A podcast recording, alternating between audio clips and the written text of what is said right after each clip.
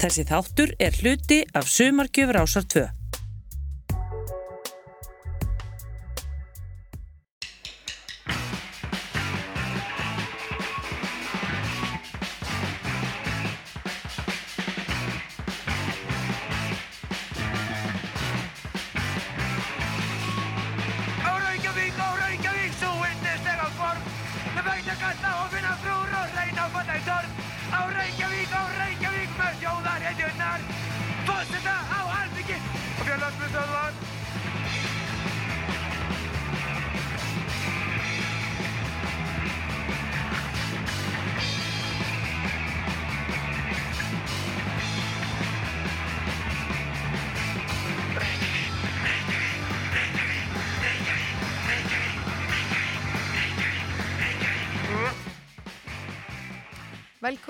Ræflarokki Reykjavík, besta punk þátt á Íslandi.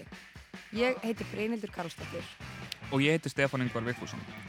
Ræflarokki Reykjavík er punkþáttur um tónlist, jáðarsenuna og aktivisma í Reykjavík samtímans. Ræflarokki Reykjavík fjallar ekki um sögu punksins, nema bara smá. Við fengum örgvita trommara hljómsveitarinnar hormóna til þess að spila undir sögu punksins. Það hugsa ekki allir það sama þegar þeir heyra orðið punk. Ef til vill er kynnslóðabil sem stjórna því. Margir hugsa um reyði, árásagirni og jafnvel ofbeldi, á meðan margir sem þekkja til punksæðunar í dag myndu hugsa um útrás, samstöðu og jafnvel ást. En byrjum á byrjuninni. Allt frá upphafsvarum rocktónlistar hafa einhverjir óttast hana og sumir gengur svo langt að segja að hún sé runnin undan rivjum djöfulsinn sjálfs. En engin stefnan hann rocksins hefur vakið jafn mikinn ótta hjá eldri kynnslóðinni og jafn mikla spennu hjá þeirri yngri og punkið þegar það kom fyrst fram á sjónasöðið. Á þeim tíma var diskóið og proggið allsraðandi og tónlistarsköpun venjulegu ungu fólki gjörsamlega óaðgengileg. Krakkar sem vildu taka upp hljóðfari og stopna hljómsveitir höfðu í engin fótspor að feta, en þá kom punkið. Punkið á rætur reykja til bílskúlsrocks sem stundum kallað protopunk eða frumpunk og ber nefna hljómsveitunar The Stooges og MC5 sem tvo helstu áhrifavalda á punk samtíð. En þá má finna áhrifavalda punksins enn fyrir tónlistsögunni. Sumir segja rockabílalagið Love Me með Jerry Lott vera fyrsta lagið sem að hægt er reykja rætur punksins til. You Really Got Me með The Kinks er annar stór áhrifavaldur. Einfaldleikinn og endurtekningin í laginu minnir á frumpunkið í bílskúrnum. My Generation eftir The Who fagnar svo eskunni og uppreisninni. Sér má tala um David Bowie og fagafræði hans, Television, Patti Smith, Blondie og auðvitað Ramones. Þó hefur engin hljómsveit haft eins mikil áhrif á punkið og The Sex Pistols. The Sex Pistols fönguðu andapunksins frá A til Ö. Einfaldar melodýr, stuttlög, óslýpaður hljóðfæraleikur, dóp, reyði, augrandi pólitíski textar og fullkomið fuck it attitude. Þeir blótuðu í fjölmiðlum, sungu nýðvísur um drottninguna og voru frumkvöðlar í andtísku sem er í dag eins konar einkennisklænaðar punkara. Punkið náðu utan um reyði ungsfólks á jaðri samfélagsins. Ungsfólk sem fekk ekki vinnu, ungsfólk sem fekk ekki að láta í sér heyra, ungsfólk sem hataði drottningun og hefðamennsku, ungt fólk sem vildi vera í uppreist, í uppreist gegn hennu fínu og fullkomna, í uppreist gegn því gamla, ungt fólk sem vildi öskra. Þau klættust í einnkennisbúning punksins og settu nælur allstæðar, á bólana sína, í skónuna, eirun og kinnar. Og fólk var hrætt við þetta unga fólk og þessa uppreist og þessi öskur og þessa nælur. Fólk var hrætt við að þetta unga fólk myndi berja það á götum úti. Þó benda flestar heimildir til þess að punkarar hafa frekar verið barðir út á götu heldur en að þeir hafa verið að berja almenning. En það er erfitt að alhafa. Þrátt fyrir allt kom punki eins og ferskur andblær inn í samfélagið, náði ótrúlegum vinsældum, gat af sér margar hljómsveitir og tónlistastefnur sem erfitt væri að lifa án. Til dæmis harðkjarna eða hardcore punk, götu eða street punk, anarkopunk, síðan post-punk, new wave og setna meir indie pop, alternative rock og noise rock, svo dæmi séu tekinn. Í þessari þátturöð ætlum við ekki bara að fjalla um punk tónlist, heldur allt það sem er punkað. Við lifum í kapitalísku feðraveldi, þannig að allt það sem er í andstöðu við kapitalíska feðraveldi teljum við til punksins.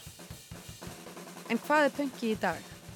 Beinist reyðin ennþá að drottningunni eða auðvaldinu? Hverjir eru punkara samtímans? Fyrir hverju eru þeirra berjast og gegn hverju? Þetta er þátturinn Hvað er punk? Fyrir hluti.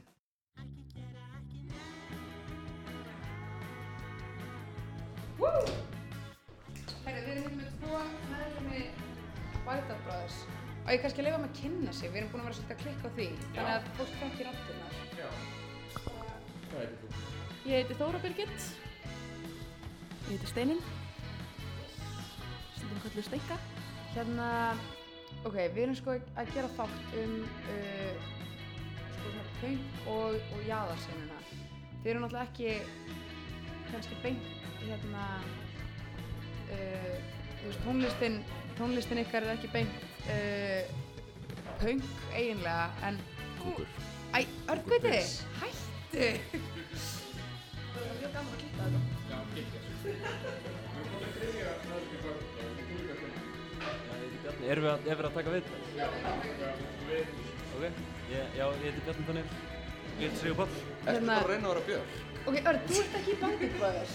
Ekki þú heldur? Já, ég er að taka viðtal, þú ert ekki svo að reykja. ok. Þetta er bara að vera eitthvað blag. Örkviti er líka hérna.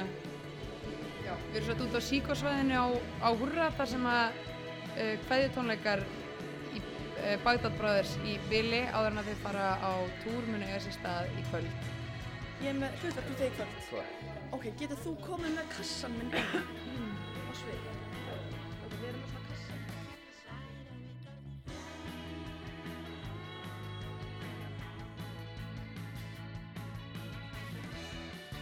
Ég veit ekki hvort að við myndi kalla eitthvað punkara, sko. Ég var að reyna í gær, sko, hvað væri punki og hvað væri diskoð í dag út af, hérna, já, ég held ég sé sammála ykkur allavega mörguleiti að, að, þú veist, þetta er miklu meira heldur en, hérna, bara eitthvað svona tónlistastefna. Allavega punki í Reykjavík núna er, einkennist held ég miklu meira á því heldur en að sé eitthvað svona skýr tónlistastefna sem að svona stjórna því, þá einkennist það af bara fjölbreytileika en að fólk sé sammála um einhverja hugmyndafræði eða allavega einhver svona kjarnagildi sem að, hérna, sem er með í svolítilli mótsögn við það sem að er svona lagt upp með í tónlistabransanum og, og er það bara hitt besta mál.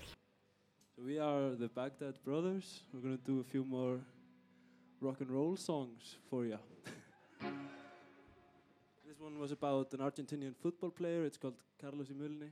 And the next one is about smoking cigarettes, which is a very bad habit. Not recommended. Hvað finnst ykkur að vera diskóið þá í dag? Við vorum sko að ræða um þetta í gær sko, við vorum áttum hérna smá reyfrild um þetta. Sem við vilja minna að þú veist hip-hopi sé disco í dag sko.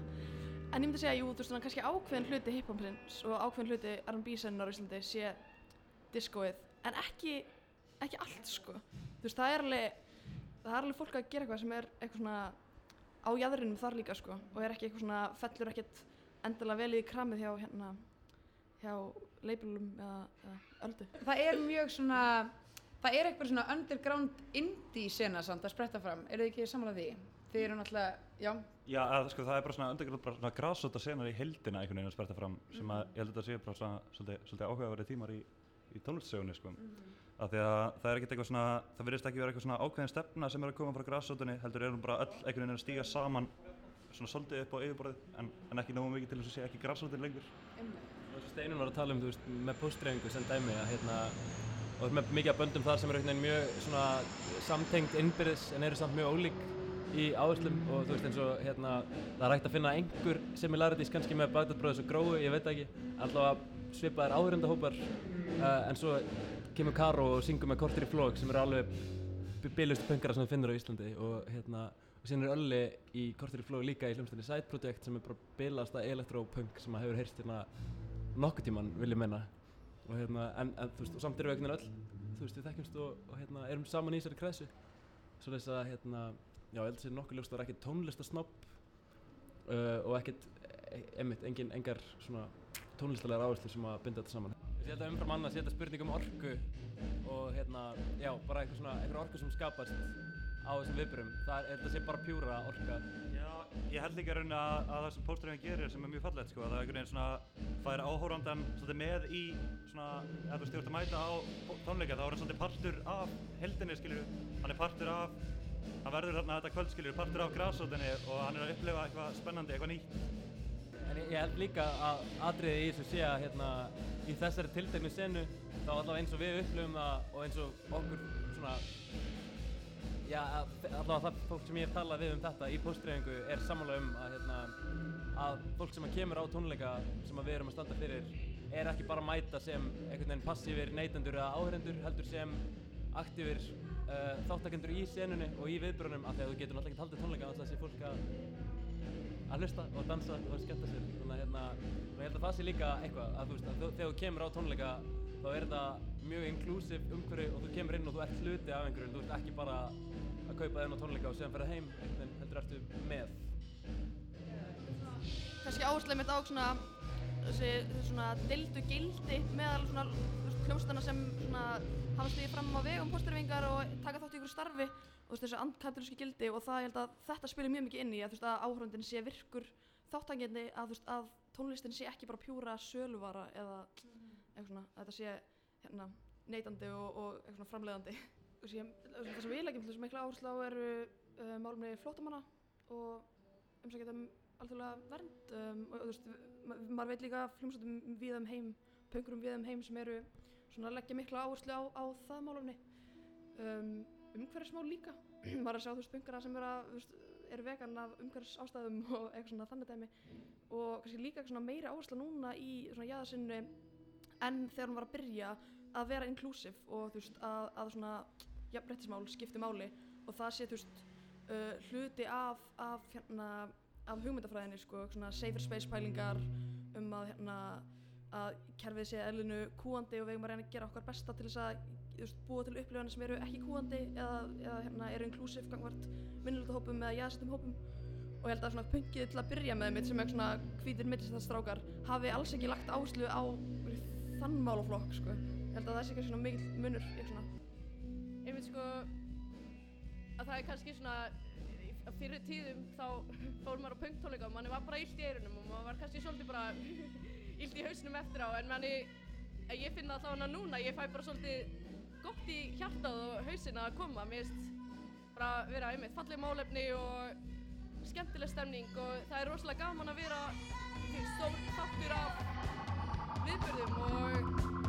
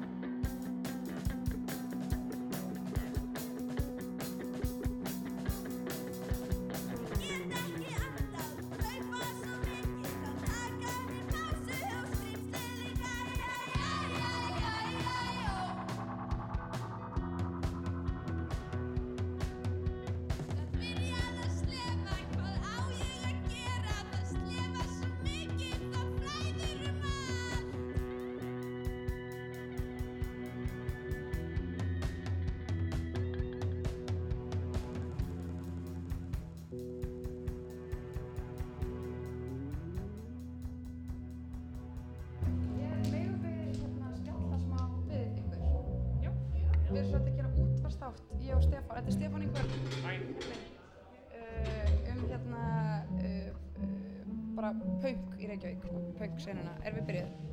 Við erum hljómsveitin Gróa og við erum búin að vera að spila núna í svona, í svona tvö ár og finnst bara mjög skemmtilegt að spila og hérna, já, hvað segir þið? Við erum, við erum þrjár uh, í hljómsveitinni. Það er ég, Fríða og svo Karolín og Hrafnildur og það eru systur.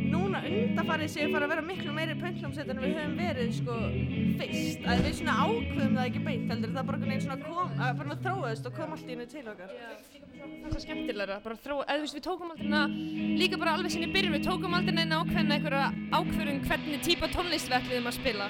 En svona, hefur þróast rosa mikið yfir eitthvað svolítið punk núna, sem er ótrúlega skemmtilegt. En það er samt, þú veist, það er aldrei eitthvað svona ákveðið sem við erum að semja, það bara, yfirleitt þegar við byrjum að semja, það verður að freka punkað.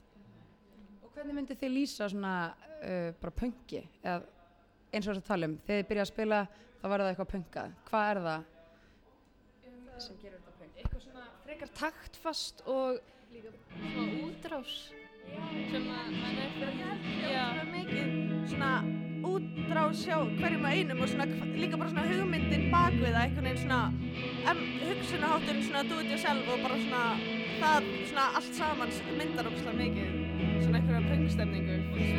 þannig hjá okkur, þó að við rugglumst, þá skiptir það ekkert svo miklu máli. Bara svona, einhvern veginn, já. Svona, og eiginlega hver okkar getur svolítið gert líka hvað sem er og við bara heinar fílum það öruglega eða eitthvað.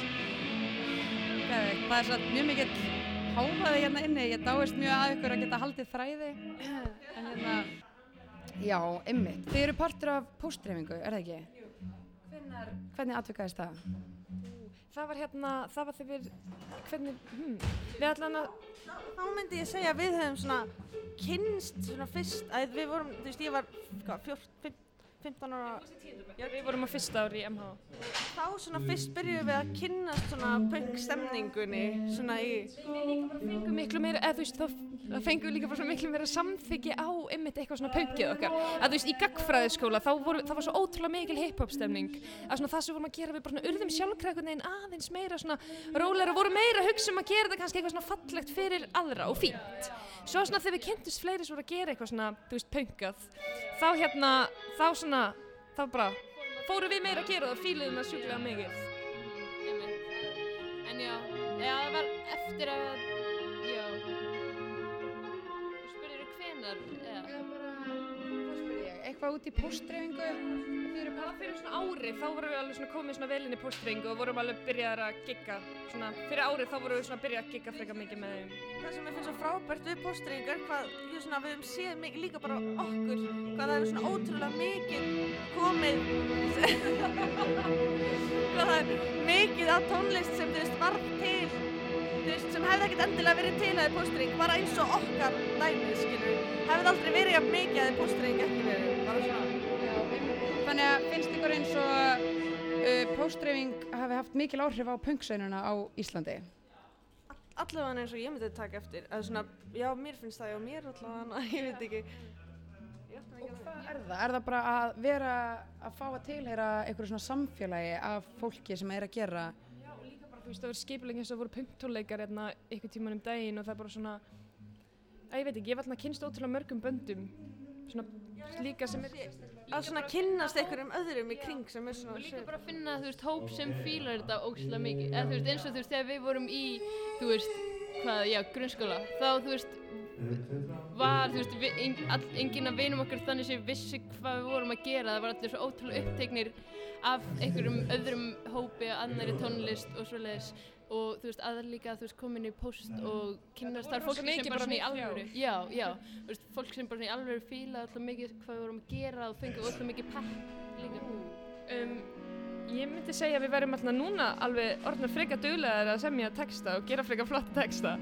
Hérna, eftir að við svona byrjuðum að pæli þá finnst okkur rosa gaman að gera svolítið svona surrealíska texta en með síðan svona einhverjum kannski nokkrum um, flottum, flottum setningum með fallum. við svona, við segjum, hugsum mjög oft fyrirfram kannski svona hvernig stemningu við viljum hafa í textanum eða læginu og svo vinnum við svona út frá því já þannig við erum svona sammála um hvað við erum að gera og svo kannski er ég bara eitthvað svona heima að skrifa eitthvað og svo komum við og prófum það og svona Já, ég, það já, ég finn svo mikið bara fyrir svona kvartningu meira bara að gera ef þú fýlar það sem þú ert að gera það bara svona hvetja þig áfram í að gera það Já. þannig ég held að það er svona aðalega sem ég fæ frá svona það öllum sem er að mæta það er bara svo gott að fá einhvern veginn. Ei, ég veit ekki hvort það sést að tala um já, já, Mér finnst líka rosalega mikið einhvern veginn senið, mér finnst allir vera með rosa mikið svona sitt special sound einhvern veginn. Og svo ef það er eitthvað sem er svipað, þá er það oft eitthvað kannski að þið ykkur fjekk eitthvað inspo frá einhverjum öðrum, eða þá bara líka það er gaman, fattar Finnst ykkur eins og því sem bara tekið, þú veist, vel, bara eitthvað svona, vá, þetta hljóma smá eins og það sem við erum að gera, en það, það er bara gaman. Já, ég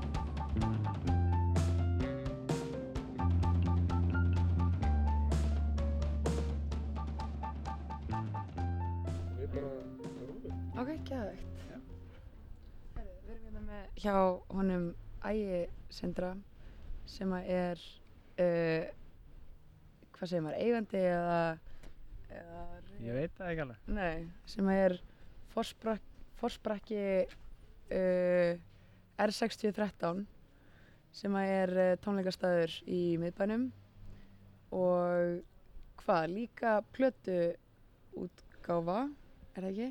Já, svona, já, why not blödu útgáfa á, á heima þar. Mm Kanski ég spurði þig bara, hvernig myndið þú skilgreina R6013? Uh,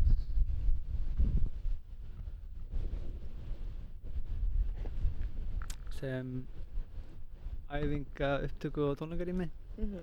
sem er stundum nýtt fyrir annars konar viðbyrði líka er bara svona svona ágætlega opið rými sem er hægt að nýta á mjög margastlega hátt.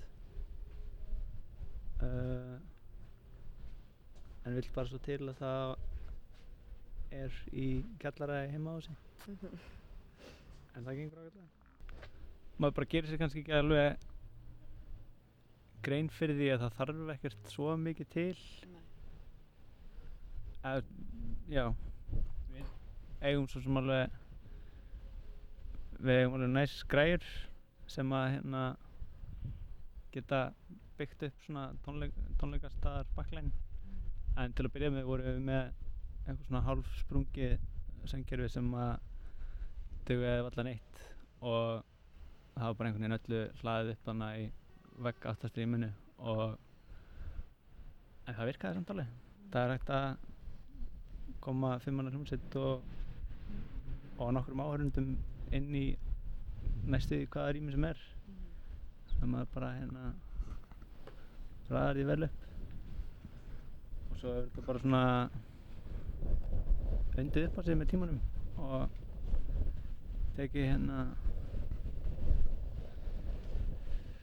breytingum og miklum framförum. Svona smátt smátt. Mhm. Myndið þú hvetja aðra til þess að uh, svona, taka þetta til fyrirmyndar? Já. Já. Það er ekki eitthvað svona eignarétt. Hei, Þú voru með okkur Hvað er? mér Viltu samt ekki fara í jakka? Svo það verður ekki kallt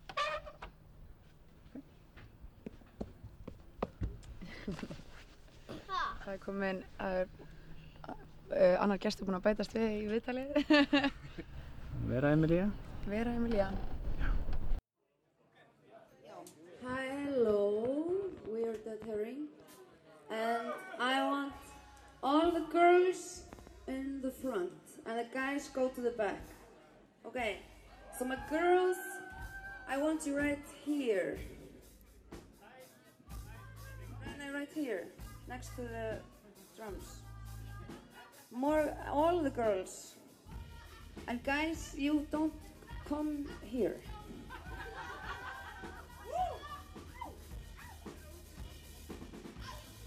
Sko, þetta er bæði, það er frýttin eða frjálsframlög og það er, þú veist, ekkert aldurstakmark og þú veist líka með mat fyrir fólk. Já. Hvað, hvernig byrjaði það? Það byrjaði svona hálfa ári eða eitthvað eftir fyrstu tónleikana Mm. þá einhverjir nokkrir hérna nefnt það svona í hálfskæring einhvern veginn að langa að að hérna halda tónleika hérna og elda súpu eða eitthvað til að bjóða upp á. Og svo var hérna danskljómsveit sem spilaði hérna um haustið 2017 og strákunum sem voru með mér í að halda þá tónleika þeir hérna uh, tók upp að að að koma með fullan pott af svona vegan mac and cheese og, og hérna heitt kakó. Síðan eiginlega bara upp frá því það hafa verið matur á, á næstum því öllum tónleikum. En mér finnst að gera svona eiga stóran þátt í að, bjóða fólk velkomið og, og einhvern veginn svona fá það til að vera með í rýminu. Hei.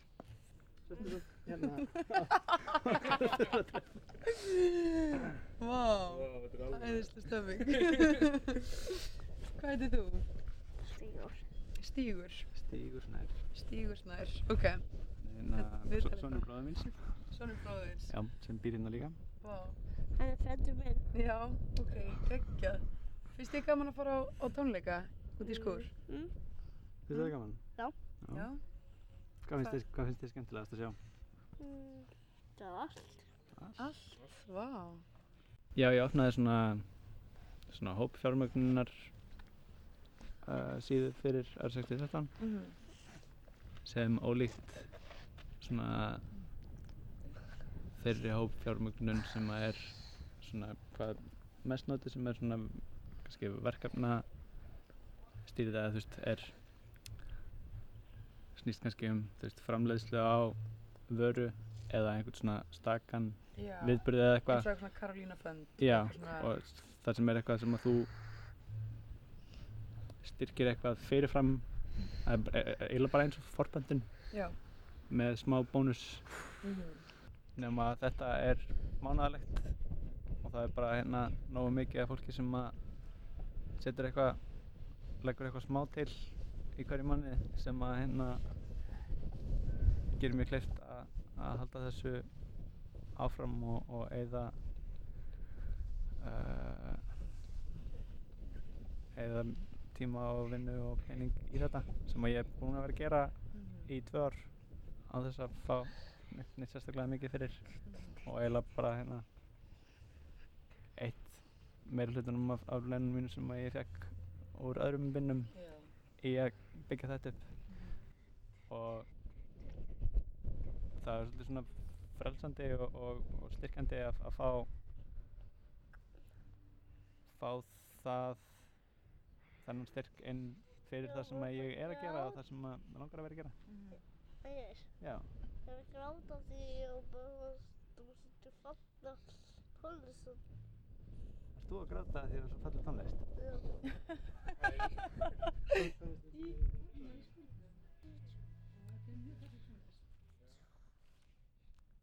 ég veit það ekki. Það er hérna...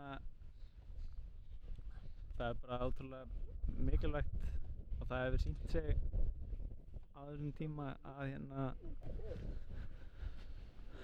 að hafa svona physical rými Mhm. sem að er veist, opið fyrir alls konar uh, og eru settar lillar hömlur að það hérna það ítir svo mikið undir undir grósku og fær fólk til að, að hérna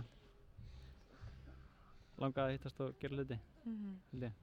Og spyrir, spyrir líka áðan um eitthvað svona eignar uh, rétt eitthvað. Mhm. uh, en það er ekkert ekkert svoleiðis held ég. Þó að mér finnst hérna uh, gaman að gera þetta og mér finnst hérna uh, gott að hérna að geta verið ágætlega stór þáttur í að, að hérna að íta undan einhver svona virkni. Uh, en það er samt ekkert eitthvað sem að stendur og föllur með mér. Um, þó að núna væri vi- vissulega mikill missir að, að hafa ekki þetta rými ef við myndum allt í einu missa það en þá er samt alveg líka hefur færst í aukana á þessum tíma sem rýmið hefur verið aktíft að hérna það er bara ótrúlega mikið að fólki að gera kúl hluti Herri, þá er það bara síðast spurningin. Áttu eitthvað uppáhalds pönglag uh, þessa dagana? hmm. Er þetta kannski erfiðast spurningin? Já, örglega Ég og Stefán eru miklu aðdæðandir ægi, styrkur, einbetting, harka, úttalt, hafa gaman. Þau tvö líka Eða? Þau, þau sungu inn á upptökuna Í alvöru?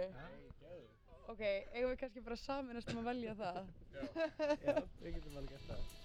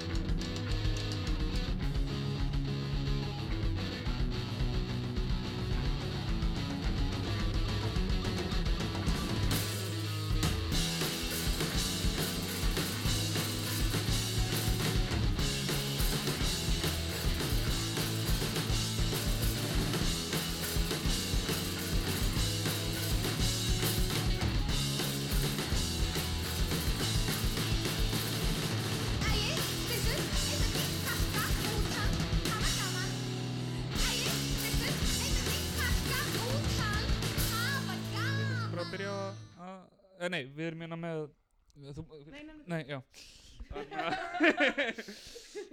uh, sorry, ekki var olbúið sko til nýjað Allt í góðu. uh, við erum hérna með uh, kortur í flóg uh, í andrými kannski bara verið velkomnir Takk fyrir það. og fáum kannski bara nöfn Já, uh, Villi, Ölli og Már. Þið uh, eru þrýr af hversu mörgum meðlumum? Sex. Já. Já. Meðumst við sex í kjarna. Svona fimm, Fimm, í sex. kjarna en samt sex. Vá, hver er uh, getið þið sagt hvað getið þið sagt okkur frá na, kortur í na, hvaðan, hvaðan komið hvað er það að gera Já, ætli þetta hafi ekki byrjað eitthvað svona hjá þremur meðlumum við vorum eitthvað svona saman í hérna í Kvennó. Og við vorum allir ja, uh, þykir stöðningsmenn og aðdáðandur uh, Joy Division. Og við vildum bara vera þessi Joy Division. Uh, en svo þróaðist þetta frekar fljótt yfir í alveg allt annað. Já, þetta var líka uppálega til að taka þátt í hérna svona söngvakefnum og varasmekefnum Í Kvennó. Í Kvennó. Já. þið rukkið aldrei inn á, inn á tónleika?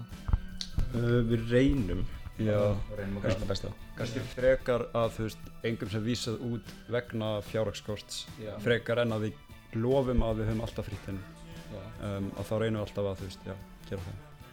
Um, bara svo að tónlistin okkar sé eins aðgengilega og hægt er. Og fyrir hvert sem er. Hvernig myndið þið lýsa uh, hljómsveitinni, þú veist, er þetta alveg um, hljómsveit eða þú veist, er, það er alveg svona svolítið mikið konsept í kringum þetta? það er kannski, það er svona ákveðni grundvöldir sem við förum eftir Já. uh, frekar, uh, já eru þeir?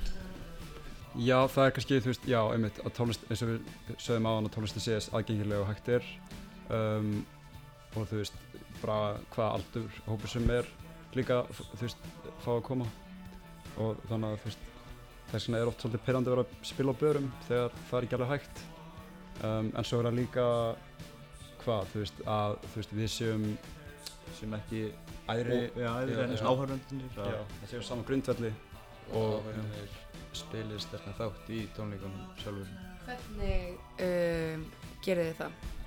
Þannig byrjuðum við að fá skýru gesta söngvara, við bara fengum það úr áhörendum Mm. eiginlega á tónleikum og við tókum stundum auka tom, trommur með okkur á tónleika og leiðum áhörendum að spila með svona viljum, já, viljum að það sé sem mest svona þáttaka og svona sameiginleg einhvern Mhm. veginn orka Já.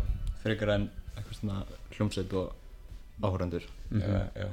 Annars ég alla sem er undir aldrei að bara hlaupa inn ógæsta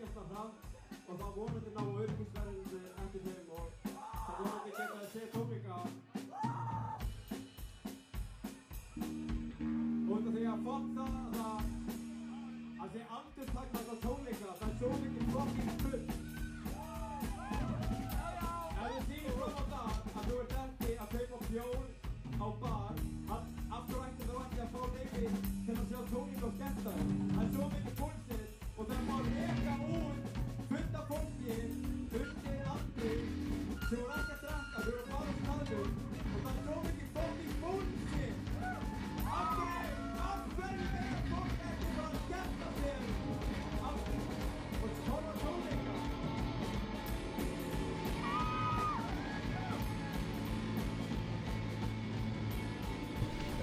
Mjög mikið punk núna í hip-hop senuna á Íslandi. Já. Það er mjög mikið punk að bara búa til tónlist inn í herbygginu sinna og laptopi sinn. Og í náttúrulega alls konar rap tónlist Já, og, já, alls konar, algjörlega. og indie tónlist og bara öllum, öllum þeim sem að bara gera allt sjálfur eða bara svona byrja sjálfur og Mhm. gefa út sjálfur og Hvað finnst ykkur um feðraveldið?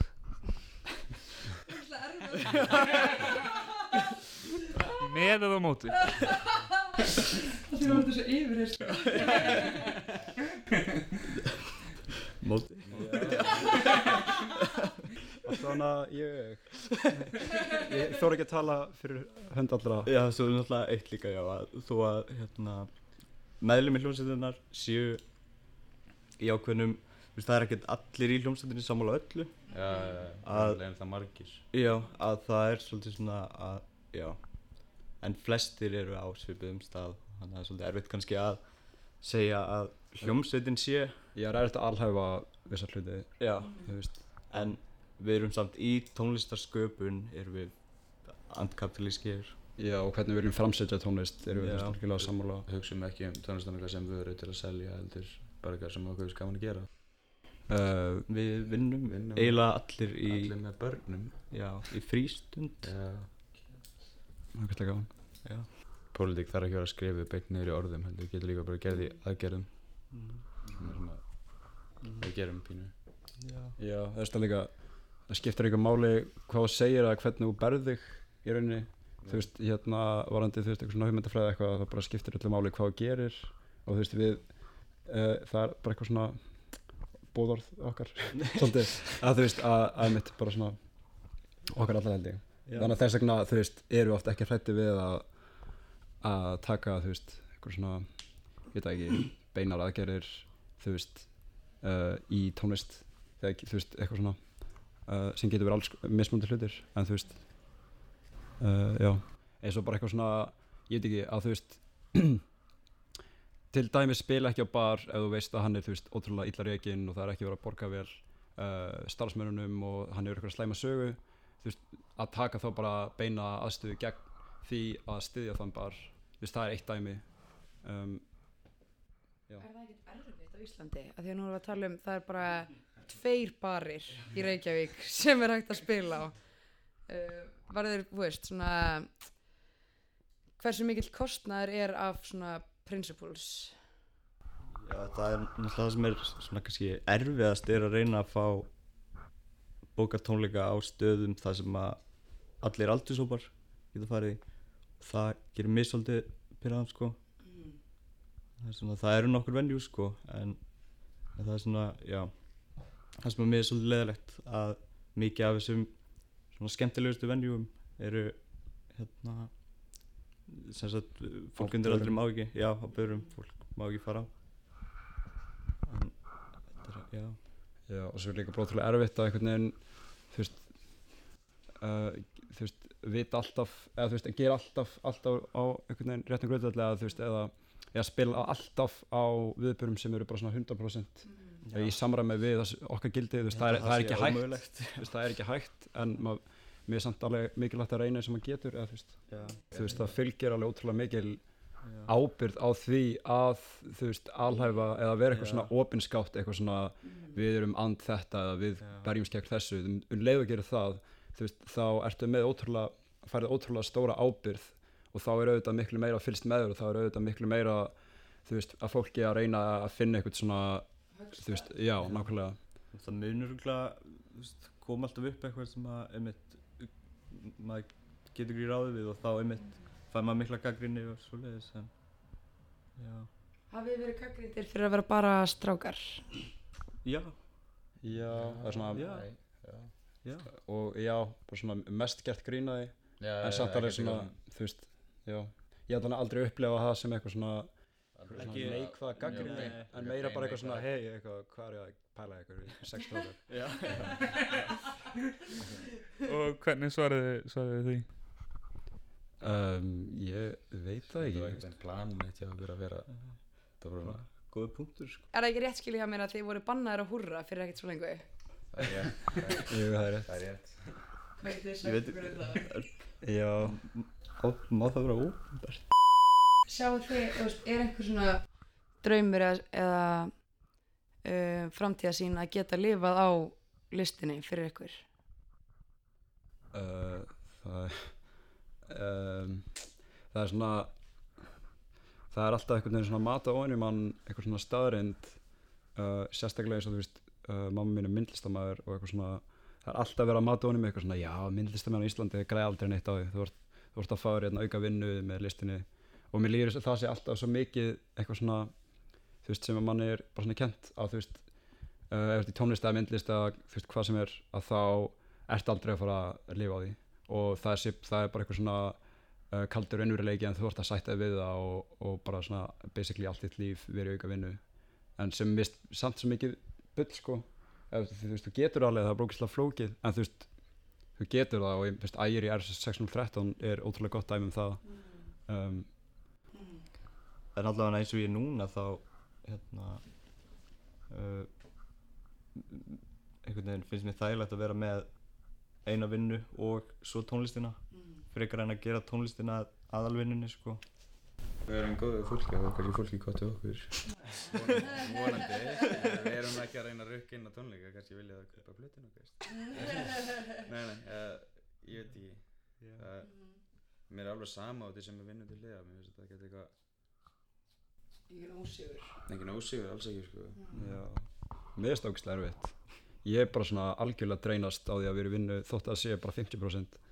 Um, já, ég bara svona, uh, mér finnst ég ekki, þú veist, geta sint um, því sem skiptir mér raunverulegu máli um, þótt að ég er í ótrúlega góðri vinnu sem er bara, þú veist, er svo ótrúlega gefandi. Þetta er eina góða vinna sem ég átt, þú veist, frístund, að þá samt einhvern veginn bara svona, uh, finn, þú veist, á ég ótrúlega erfitt með að vera að vinna um, þú Og veist, skapa list. og skapa list ég, er bara svona, ég, ég dreinast svo mikið og mér finnst ég oft svo bara svona ekki ná að þú veist um, að ég veit það ekki ég er bara svona ég, já, það er erfitt að lýsa en ég er bara svona uh, já, mér erfitt með það Mhm. kannski bara fyrir eftir fólki eða þú veist Já. Þú veist, ég, ég er mjög erfitt með það ef ég er einn, en þegar ég mæti inn í Amikrúsnaði með fjórum skilju hljómsveita meðlunum mínum þá á ég ekki erfitt með það, fyrst með lengur. Já, það er kannski svolítið, já. Kannski smá orka sem að Já, svona að smá samvinnu orka sem að Já, kemur hann í gang, sko. Já. Nákvæmlega. Hvernig, að því þú myndist á einmitt orkuna og eitthvað svona komin í hljómsveiturhúsnaði og eitthvað, hvernig, þú veist, semjið tónlistina? Ég held allt spunni sko Já, já. Bara, Það er ekkert planað allavega. Já, mynda einhvern veginn öll lög eða sérstaklega, já, senast ár hafa allt verið bara spunar og öll lögin eru því frekar svona uh, minimalísk í lagasmíðum, oftast bara einn bassalína út af hlæði já. Þessi það gerist oft bara svona Kristoffer á bassanum óvart gerir eitthvað línu og bara hei, þetta, þetta er cool. Og síðan bara trommað við það og síðan bara lagt ofan á það, þetta er bara svona er bara svona Það er eitt af. Já. aðferðum, við erum ekki með neina fasta aðferð eða neitt, Nei. þetta þetta bara svona gerist. En ég held að segja samt alltaf svona gegnum gangandi er þú veist að veist, við hlustum allir rosalega miklu já. tónlist og við svona við svolítið þú veist semjum rosalega mikið tónlist út af því sem við hlustum á þannig að við erum bara eitthvað svona að mér langar að gera svona lag mér langar að gera Sonic Youth lag. Og þá þú veist ákveði bara að gera Sonic Youth lag og því að það var allir verið að hlusta mjög mikið Sonic Youth. Um, og þú veist þannig að ég held að eiginlega- öll lögin okkar eru þú veist byrjað þannig að við erum að hlusta á eitthvað ákveð og svona út frá því eru eitthvað svona þú veist erum við bara eitthvað svona langar að stela þú veist einhverju sondi, einhverju flottari gítarlínu einhverju veist einhverju flottari pælingu baka eitthvað lag. Og svolítið svona blöndum gett mikið af mismunandi um, áhrifum, áhrif, áhrifavöldum og þú veist semjum svolítið lag út frá já, því. já. og svo hljóma þau alltaf náttúrulega bara ekkert eins og endilega það sem upprunlega við vildum gera þú veist. Skilur, við erum ekki með sama búna, við erum ekki með við erum ekki sömu manneskjur að spila þetta, þannig að þetta enda oft allt öðruvísi heldur en við, við vorum búin að íhuga í fram heldur eitthvað en Já. Það er, það það svo skemmtileg leið til að semja það er bara eitthvað ofta svona sem ef þú myndir tjekka á setlistum okkar þá er oft bara fullt af lögu sem heita bara Sonic Swans Youth. lagið uh, Sonic Youth. Já, Sonic Youth hét, það var lag á ersku plötinu sem við varum að gefa út hét það bara Það heitir á Bandcamp. Já, heitir á Bandcamp ennþá með, það hét það þá mútið bara þannig Sonic Youth Já, Sonic Sonic Youth Youth. Sonic Youth. Ekki einu sinni- ekki geðveikt. Ok, síðast spurningin mín, lofa. Uh, hérna, er aldrei, þú veist, þið eru búin að leggja gett eitthvað svona harta á ykkur að semja eitthvað lag og svo er það frá að flytja það og svo bara eitthvað svona réttið einhverjum gítar eða einhverjum mic, er það aldrei eitthvað svona að það er að fuck up lagin eitthvað smá Jú, það var alveg Ég hef alveg gert sko Ég held að hérna hann, hann Kitty Bassarleikari hefur kvarta svona þrjósta sinnum Já, yfir já. sömu mannuskinni að syngja Nei. eitthvað svona, þú veist, að taka mækin uh, þannig að það getur alveg, þú veist, það er kannski já, jú, jú, algjörlega sko. Ég, ég tek aldrei til neinu sko, ég heyri oftast bara svona Suð. Suð. Þannig að ég veit aldrei hvort að þetta er að ganga vel eða ekki sko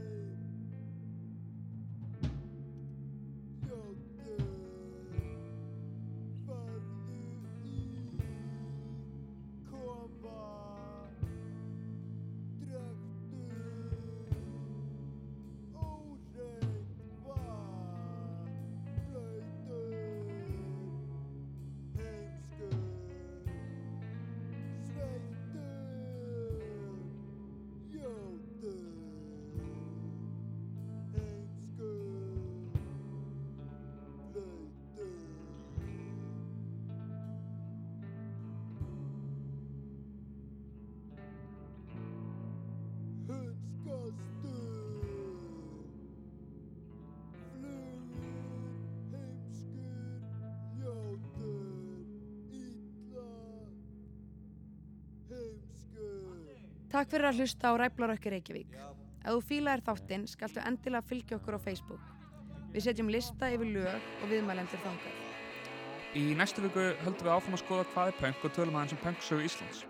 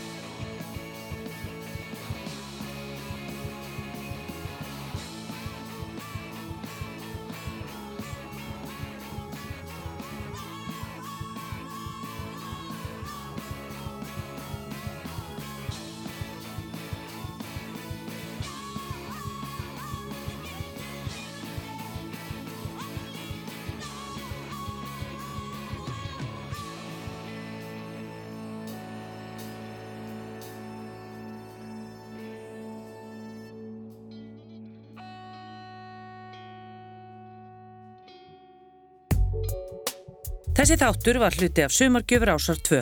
Þú getur nálgast fleiri þætti úr safnir ásar 2 í spilaranum á rúf.is, í rúf appinu fyrir snjalltæki og öllum helstu hlaðvarpsveitum.